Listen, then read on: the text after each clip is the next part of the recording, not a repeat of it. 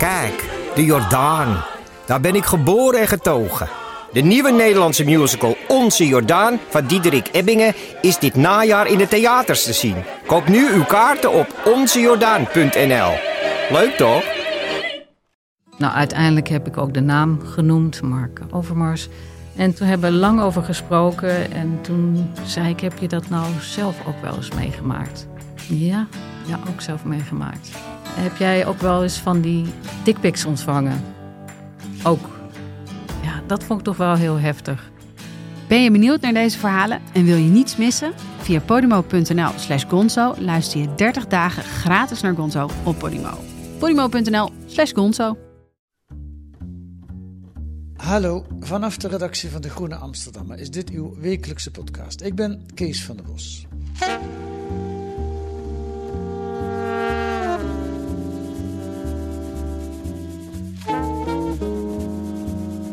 Als je in de supermarkt voor een schap met eieren staat, dan zie je wat vrijheid betekent in het neoliberale tijdperk. Scharreleieren, maïseieren, biologische eieren, uitloopeieren, witte en bruine eieren, rondeeleieren, zelfs een oerei. De klant is koning. Of hij wordt half gek van de keuzemogelijkheden. En dat probleem doet zich ook voor bij de muesli's en de chips en dergelijke. Ach, overal eigenlijk. Dat noemen wij vrijheid. Voor ons dan. Maar om die eieren te produceren zijn kippen nodig. En dat waren eerst kuikentjes. Maar de helft van die kuikentjes is man, een haantje dus. En die leggen geen eieren. Dus moet de shredder erin. De shredder, ja, zo'n machine met ronddraaiende messen, waar die lieve kuikentjes met een lopende band ingemikt worden. En dan, weg zijn ze. 40 miljoen haantjes per jaar. Alleen in Nederland. Wereldwijd zijn het er 5 miljard. U hoort ze op de achtergrond verdwijnen. Moet dat zo? Zijn er geen alternatieven? Guus Ritsen zocht het uit en schrijft daarover deze week in De Groene. Welkom Guus. Dankjewel. In de podcast. En uh, gefeliciteerd met je eerste groene artikel. Ja, dankjewel. Jij bent uh, freelancer. Klopt. Werkt voor de NRC, Volkskrant. Je, was, je bent begonnen als muziekjournalist. Ja, ja klopt. Uh, oorspronkelijk, dat waren een beetje mijn eerste stappen in de journalistiek, muziekjournalist. En uh, ja, ik ben freelance journalist, dus in principe schrijf ik eigenlijk over alles wat uh, nou ja, maar op mijn pad komt en wat me interessant lijkt. Um, ik heb eerder geschreven over mijn worsteling met uh, kaalwoorden en over ICT bij banken. Ik heb onderzoek nagedaan met collega's. En waar bijvoorbeeld ook de rol van de vrouw in de New Yorkse punk scene. Dus het schiet eigenlijk alle kanten op, uh, een beetje. Oké. Okay. um, je bent nog vrij jong. Hoe oud ben je? 30. Van nog mee, toch? Uh, hoeveel, ja, hoeveel jaar ben je als journalist? Ja, even denken. Ik denk dat ik in 2012 begon met een cursus popjournalistiek. Ja, dus ik denk dat dat een beetje mijn eerste stappen waren. Ik denk acht jaar. Maar dat ik echt aan het werk ben als journalist.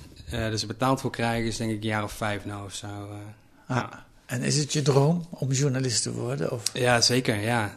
Um, schrijven over onderwerpen die ik interessant vind. Uh, ik kan me eigenlijk niks leukers voorstellen om te doen. En je niet te verdiepen wat je leuk vindt. En dat ook nog eens op te schrijven en ook nog eens betaald voor te krijgen. Dus ja, ik kan me geen leukere baan voorstellen, moet ik eerlijk zeggen. Ja. Ah. Oké, okay. iets heel anders. Eet jij vlees? Nee. Ben je vegetariër? Ja. Ook geen kippenvlees? Nee, ook geen kippenvlees. Nee, dat is ook vlees, hè? Ja, wel eieren? Nou, sinds kort ben ik daar ook een beetje mee gestopt. Eigenlijk uh, naar aanleiding van het artikel. Um, het is niet een hele bewuste keuze geweest, maar... Nou ja, ik ben vegetariër geworden nog niet zo heel lang geleden. Um, eigenlijk vooral uit dierenleedoverwegingen. En nou ja, waar ik dus achter kwam, wat ik ook wel een beetje wist, maar dat voor uh, de eieren die je eet, dat daar dus ook dieren voor gedood zijn. Dus ja. ja, dat is eigenlijk een kleine stap om ook geen eieren meer te eten. Wat ik dus nou ook niet meer echt doe eigenlijk. Nee, de eieren worden niet echt lekker dan na het lezen van jou. Nee, artikel. nee uh, dat spijt me, Kees. Ja. Waar, waarom ben je hier ingedoken? Hoe is dat gegaan?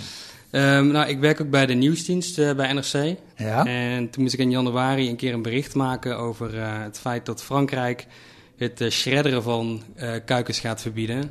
En nou ja, ik had er wel ooit al vaak over... volgend jaar, geloof ik. Ja, ja, dat willen ze gaan doen. Het zijn plannen. Ja. Het is nog niet uh, super concreet, geloof ik. En nou ja, het feit überhaupt al shredderen en kuiken in één zin fascineerde me al. Um, En ehm, nou, ik, ik had hier ook al wel over gehoord dat dit gebeurde, maar me nooit echt in verdiept. En dat was eigenlijk een beetje de trigger voor mij om er meer over op te zoeken. En toen zag ik dus dat, ja, het is geen onbekend probleem. Het is niet dat ik nou een misstand blootleg, absoluut niet. Maar het is wel al nou, decennia een terugkerend probleem en een terugkerende discussie in, in het publieke debat. Ja. Uh, ik vond een brief van boze dierenartsen uit de jaren negentig... die het kabinet eigenlijk opriepen iets te doen aan deze kuikendood, uh, dode praktijk. Ja, uit 1993, dus dat is uh, bijna dat is 27 Ja. jaar geleden. Ja, ja, precies. En inmiddels zijn we bijna drie, drie decennia verder en gebeurt er nog steeds. Ja, En eh, wat je ook ziet als je veel voor opzoekt, is dat er eh, veel eh, dingen zijn over dat er oplossingen zijn. Maar blijkbaar zijn die oplossingen dus nog niet goed genoeg, want het gebeurt nog steeds. En, ja, ja dat, dat- waarom? Waarom gebeurt het nog steeds? Ehm, Want niemand wil het eigenlijk. nee, klopt. Dat, dat is ook iets waar ik achter kwam. Ook de broederijen waar dit... eh, nou, ik moet trouwens wel zeggen, het shredderen, het verhakselen... Ja, Dat gebeurt niet in Nederland en in veel EU-landen ook niet, geloof ik. Ehm, hier worden ze vergast. het is Ehm, de vraag of dat veel klopt, ja. is voor Dat het is- kuiken. Ja, ja, ja, dat is ook nog eens een interessant punt, omdat eh, een hoogleraar die ik sprak zei... ja, eigenlijk is het eh, versnipperen eh diervriendelijker, want zo'n kuiken is binnen één seconde weg... en heeft niet echt een besef van toekomst of van wat hij nou aan het doen is... Ehm, en bij dat vergassen, die, dan stikken ze langzaam. Ja. Dan eh, ja, vallen ze langzaam neer. En eigenlijk is dat een, een pijnlijkere manier om dood te gaan voor een kuiken. En waarom worden ze in Nederland vergast en niet geschredderd? Ja, dat is op een gegeven moment besloten. Ik denk ook uit overwegingen dat er met eh, vergaste kuikens kan nog wat gedaan worden. Eh, die worden namelijk ingevroren. En die koopt een Nederlandse firma op, Kiezenbrink. En die, nou ja, die verkoopt ze dan weer aan artis die de ingevroren kuikens aan hun kaimannen voeren. Of aan nou ja, reptielenliefhebbers die een python thuis hebben. Ja, Dus er gebeurt nog wel wat nuttigs mee. ja. Ehm, ja. Er zit wel beweging in. Je noemde al Frankrijk eind volgend jaar. Eh, Zwitserland is het dit jaar verboden, lees ik in jouw artikel. Het schredderen dan. eh, Eh, ja, oh, het schredderen. ja. Het vergassen. Nee, maar dat schijnt daar ook niet echt te gebeuren. Oh, en wat doen ze daar dan met de haantjes? Ja, ik weet niet wat ze daar nou mee doen eigenlijk. Ik denk dat ze... Nou ja, die zullen ze nou wel groot brengen. Dat weet ik eigenlijk niet zo goed. Ah. En in Nederland hebben we sinds zes jaar een convenant. Zo, Ja. zo doen we dat in Nederland. Meestal is het een ander woord voordat er niks gebeurt. Klopt. Ja. Eh, maar dus de, de branche samen met eh, eh, dierenorganisaties hebben afgesproken om te zoeken naar een oplossing. ja. Ehm, laten we even nog eens kijken naar het begin van het hele probleem. Ik Ja. vond een filmpje eh, van het Polygoonjournaal. Let op. Oké. Miljoenen kippeneieren gaan er elk jaar in ons land de broedmachines in. Bij een constante temperatuur van 100 graden Fahrenheit verandert hun inhoud in drie weken tijd in kuikens. Tenminste als de eieren bevrucht zijn. Dat wordt na zes dagen broeden met een schouwlamp gecontroleerd. Is alles in orde, en dat is met de overgrote meerderheid het geval, dan is het verder een kwestie van geduldig wachten op het ogenblik dat de kuikens hun ijsschaal gaan verbreken. Dat gebeurt na precies 21 dagen. In de grote broederijen zien elke dag duizenden haantjes en hennetjes het levenslicht. Hulpeloze, kleine, natte diertjes die doodop zijn van het zware werk dat ze zojuist hebben verricht. Maar binnen een paar uur zijn ze door de warmte van de broedmachine veranderd in kwieke hoopjes dons die heel nieuwsgierig de wereld inkijken. Die harde, zakelijke wereld van de mensen, waarin de handjes om economische redenen minder gewenst zijn. Ze eten maar voedsel en leggen geen eieren. Dankzij enige Japanse onderzoekers is het mogelijk geworden om het geslacht van de kuikens direct na de geboorte te bepalen. Men noemt dat seksen. En er zijn in Nederland nu zelfs scholen waar men opgeleid kan worden tot kuikenseksen. Op één daarvan maakten wij deze opname. De verhouding tussen haantjes en hennetjes is ongeveer 1 op 1. Maar een klein deel van de haantjes blijft in leven. De hennetjes gaan als eendagskuikens naar de hoenderparken in Nederland en bij honderdduizenden ook naar het buitenland. Ja, het is zelfs een beroep, kuikenseksers. Klopt, ja. Ik, ik zag een, je hebt de, de maatschappij van Europese kuikenseksers. Ehm, en het is dit fragment van Polygoonjournaal uit 1951. Je hoort hier dat het, die haantjes verdwijnen zonder dat maar eh, uitgelegd wordt waar ze naartoe verdwijnen. ja. Want dat is niet zo'n fijn eh, bericht. Ehm, maar toen is het opgekomen. hè. Na, het is na de Tweede Wereldoorlog is het, heeft het een enorme vlucht genomen. Ja, klopt. Ja, en dat heeft met meerdere factoren te maken. Onder andere dat de techniek eh, uitgevonden werd dat je kuikens kon seksen, zoals dat heet. Ja. Dus dat je bij de geboorte al het geslacht kon bepalen. En eh, dat, ging gepaard met meerdere ontwikkelingen in de, eh, in de landbouw. Onder andere dat door, nou ja, vroeger moet je voorstellen dat een, een pluimveehouder, die had iets van tientallen kippen. Eh, die legde eieren. En uiteindelijk als hij geen eieren meer kon leggen, dan slachtte die, die kip. Maar door de ontwikkelingen op het gebied van antibiotica, stallenbouw, vaccinatie, voeding, werd het mogelijk om eh, tienduizenden kippen of duizenden kippen op één boerderij te houden. En eh, daar kwam bij dat er ook nog eens eh, ontwikkelingen waren op het gebied van ehm, genetische selectie. Dus dat kippen werden ehm, gebroed op bepaalde eigenschappen. En zo kreeg je een tweesprong met vleeskippen eh, en met eierkippen. Kippen die waren goed in eieren leggen en Ja. kippen die goed zijn in, in dik worden. Precies, ja, kippen die dus binnen drie weken eigenlijk eh, heel dik worden en veel filet aan de botten hebben. Ook wel plofkippen genoemd. Ja, ja. En dan had je dus aan de andere kant had je de, de legkippen. Ja, Ehm, maar ja, het probleem is dus dat bij die legkippen, ehm, eh, nou ja, je zit wel met 50% haantjes die geboren worden. Dat is een strak biologisch gegeven. Ehm, wat, wat doe je daarmee als het om de legkippen gaat? Ja, die hebben geen economisch nut. En eigenlijk iedere dag dat ze verder in leven zijn, kost het meer voor die boerderij. Dus werden ze eh, zo snel mogelijk vernietigd. ja. Ehm, ja. Dan komen we weer bij de shredder ja, precies. Ja. en, en het vergassen. Ja. Ehm, laten we naar de oplossingen gaan. Tenminste, er bestaan oplossingen. Het begin van een oplossing. Ja. Wat kwam je tegen? Nou, je hebt twee Nederlandse bedrijven die hier heel ver mee zijn. Er zijn een aantal bedrijven wereldwijd die onderzoek hiernaar doen. Maar eigenlijk zijn eh, twee Nederlandse bedrijven hier eh, eh, leidend in. Dat is Innovo uit Leiden, een biotech startup. En Respect ehm, met EGGT. Ja. Ehm, eh, dat is een Duits-Nederlands bedrijf. En wat die doen, is je hebt een techniek dat ze in het ei kunnen zien of dat eh kuikens dat erin zit, een hennetje of een haantje wordt. En dan worden de haantjes, eh, ja, die worden niet uitgebroed. Ja. Die worden dan ja, vernietigd en die tot veevoer verwerkt. Eh, maar dan bespaar je ze dat lot, eh, eigenlijk dat, dat gruwelijke lot van uitkomen en meteen vergast worden of in, in veel andere landen eh, ja, de versnippermachine te belanden. Ja, en dat kan dan na een dag of negen. Ja, dan kun klopt. je een, een stukje uit het ei nemen en dan doe je een of ander chemisch eh, stofje bij. En dan kunnen ze zien of het een haantje of een kip wordt. Ja. Eh, dat- nou, een, he- een heel gedoe. Er zijn ook filmpjes van, van die machines die dat allemaal doen.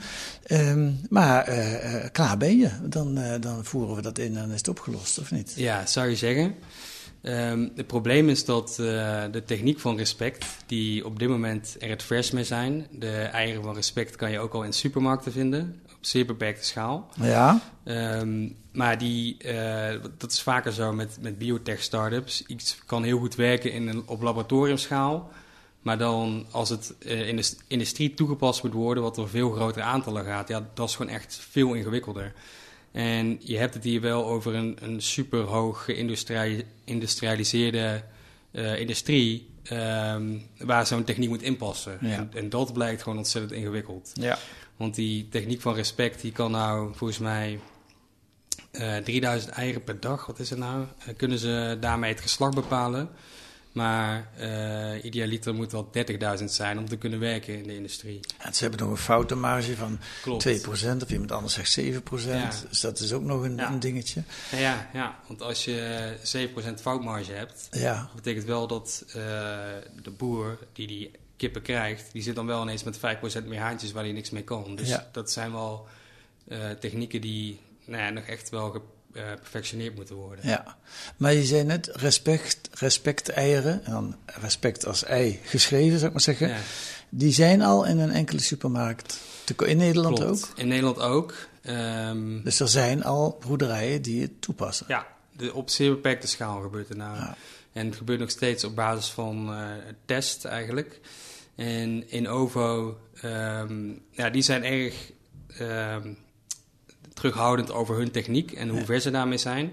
In OVO is de start-up die deel is van dat convenant waar jij het eerder over had. Ja. Convenant met de overheid, dierenbescherming, de broedindustrie zelf. Ja, Innovo heeft daar subsidie voor gekregen. En zij zeggen dat ze eind dit jaar met de oplossing hiervoor komen. En dat ze dan ehm, op industrieschaal die eieren kunnen seksen.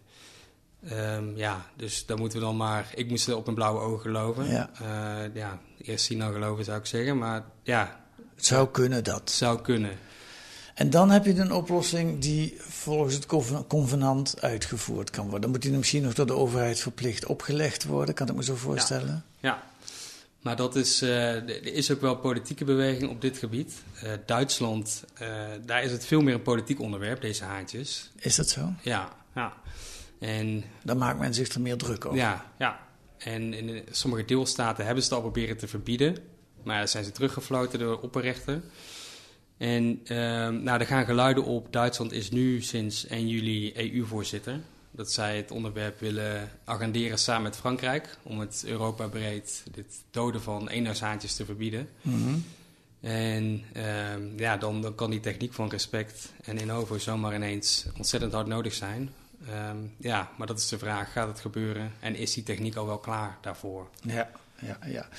Nou ja, dan lees ik op het eind van jouw artikel ineens dat er eigenlijk een veel betere oplossing is. En dan ga ik eerst een fragment laten horen, een reclame. Dat doe ik niet vaak, maar in dit geval heeft dat wel zin. Luister.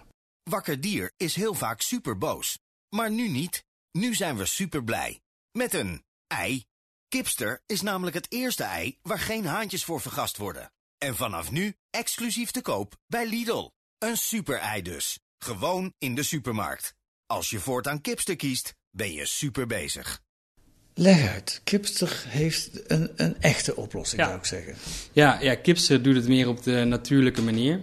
Ehm, eh, de meter ook trouwens, dat is ook een keurmerk. Die hebben ook dit soort eieren. Oké. Eh, maar Kipster, ehm, die zijn eigenlijk tegen de oplossingen die Innovo en Respect bieden.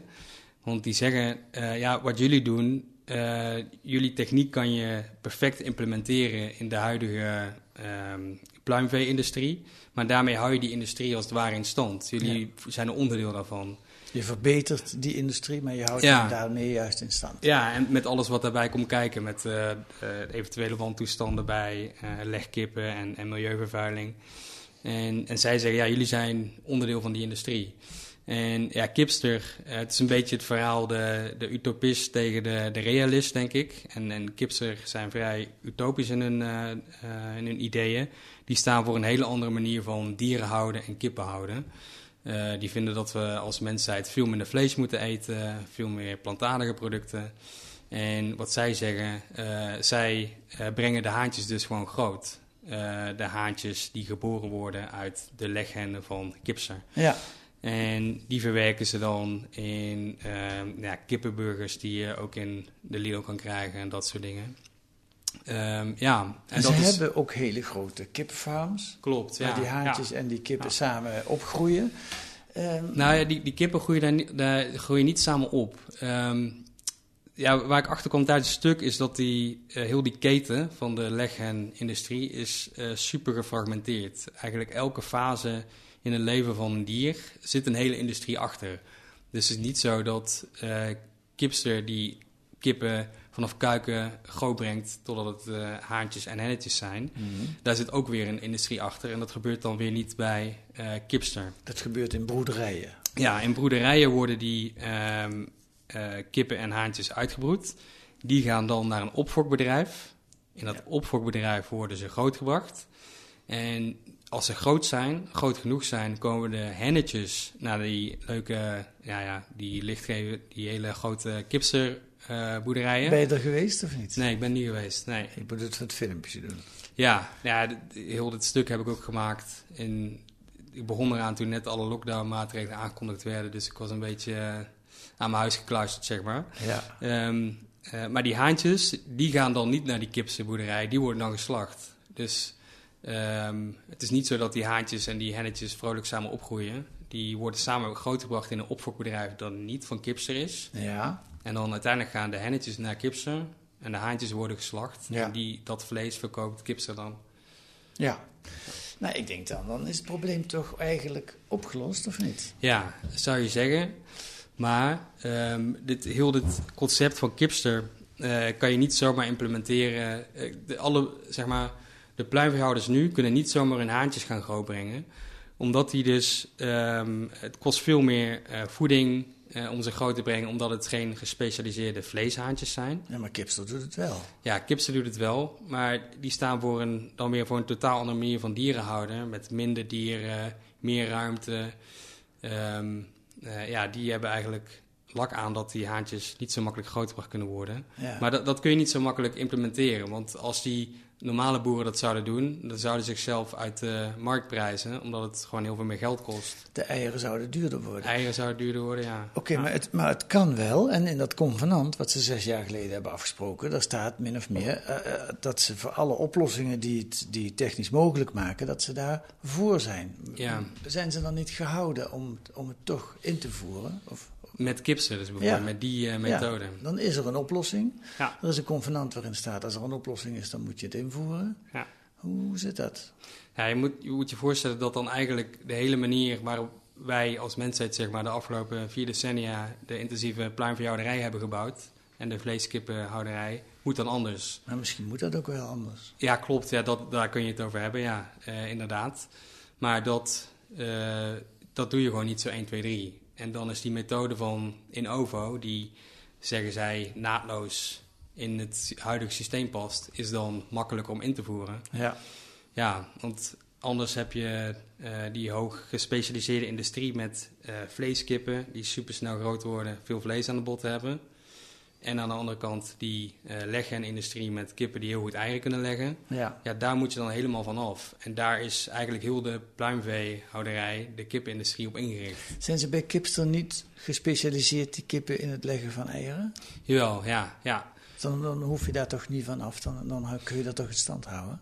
Ja, maar ja, je, je zit ook nog met ontzettend veel eh, tientallen vleeskipbedrijven in Nederland. Ja, Ja. Die moeten dan, moeten dan eh, opdoeken. Ja. Ja, het is, die industrie is zo gespecialiseerd, dat breek je ook niet zomaar zo snel af. Nee.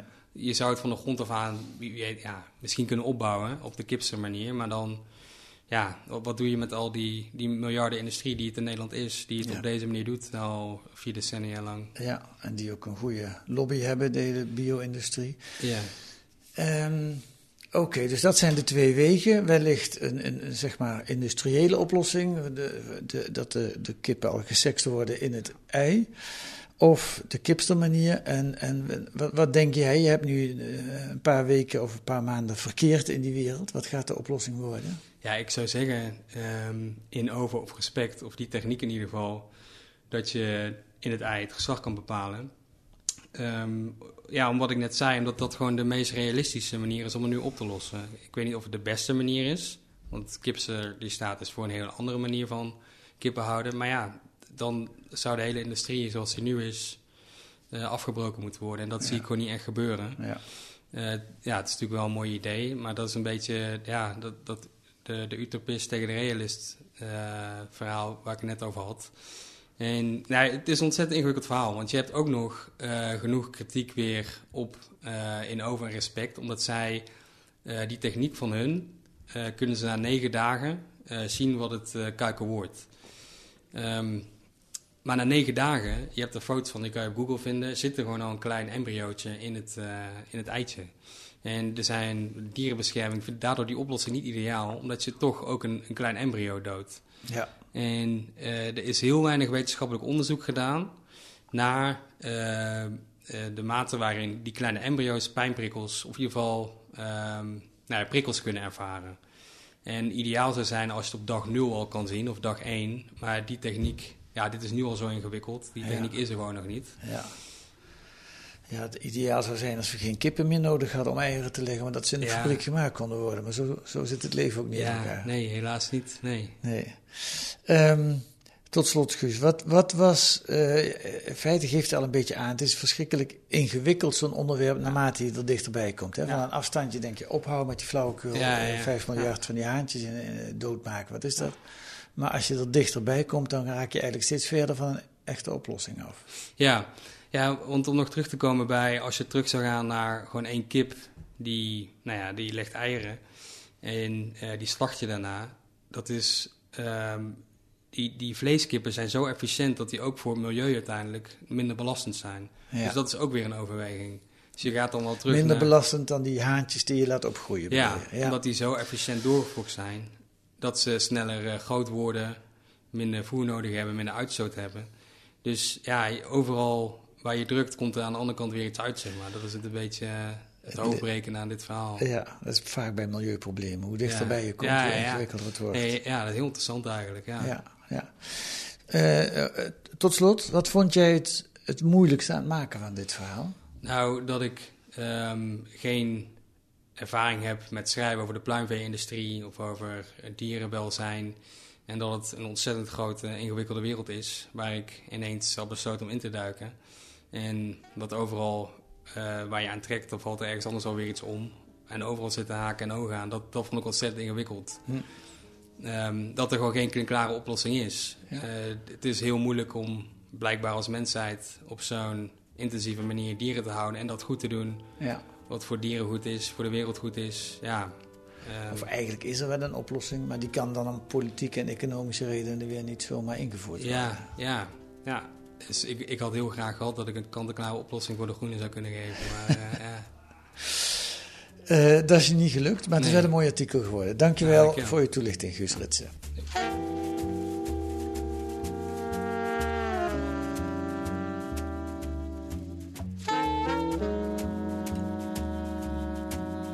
Lees deze week in De Groene ook een profiel van Sukarno, de vrijheidsstrijder en de eerste president van Indonesië, die in Nederland nog steeds veel haat en woede oproept. Historici kijken daar heel anders tegenaan, getuigen de conclusie van het artikel Meer Mandela dan Mussolini. En een reportage over de meevaart in Amsterdam-Oost, waar in een oud schoolgebouw allerlei sociale projecten, zoals huiswerkondersteuning en een repaircafé en een goedkoop restaurant, gerund worden door buurtbewoners zelf. Allemaal te lezen, net als de 5 miljard haantjes die gedood worden met een abonnement of een proefabonnement. Ga dan naar groene.nl, daar leest u hoe u drie maanden de groene kunt krijgen voor 30 euro. Groene.nl. U kunt zich op allerlei mogelijke manieren abonneren op deze podcast. U kunt ook reageren op wat u hoort. Podcast.groene.nl. En onderaan uw podcast-app kunt u ook sterretjes geven of een korte recensie schrijven. Volgende week zijn wij er weer met analyses en achtergronden bij het nieuws in deze podcast van de Groene Amsterdammer. Die deze week werd gemaakt door Anne da Silva en Kees van der Bos. En de muziek is A Tune for N van Paul van Kemenade.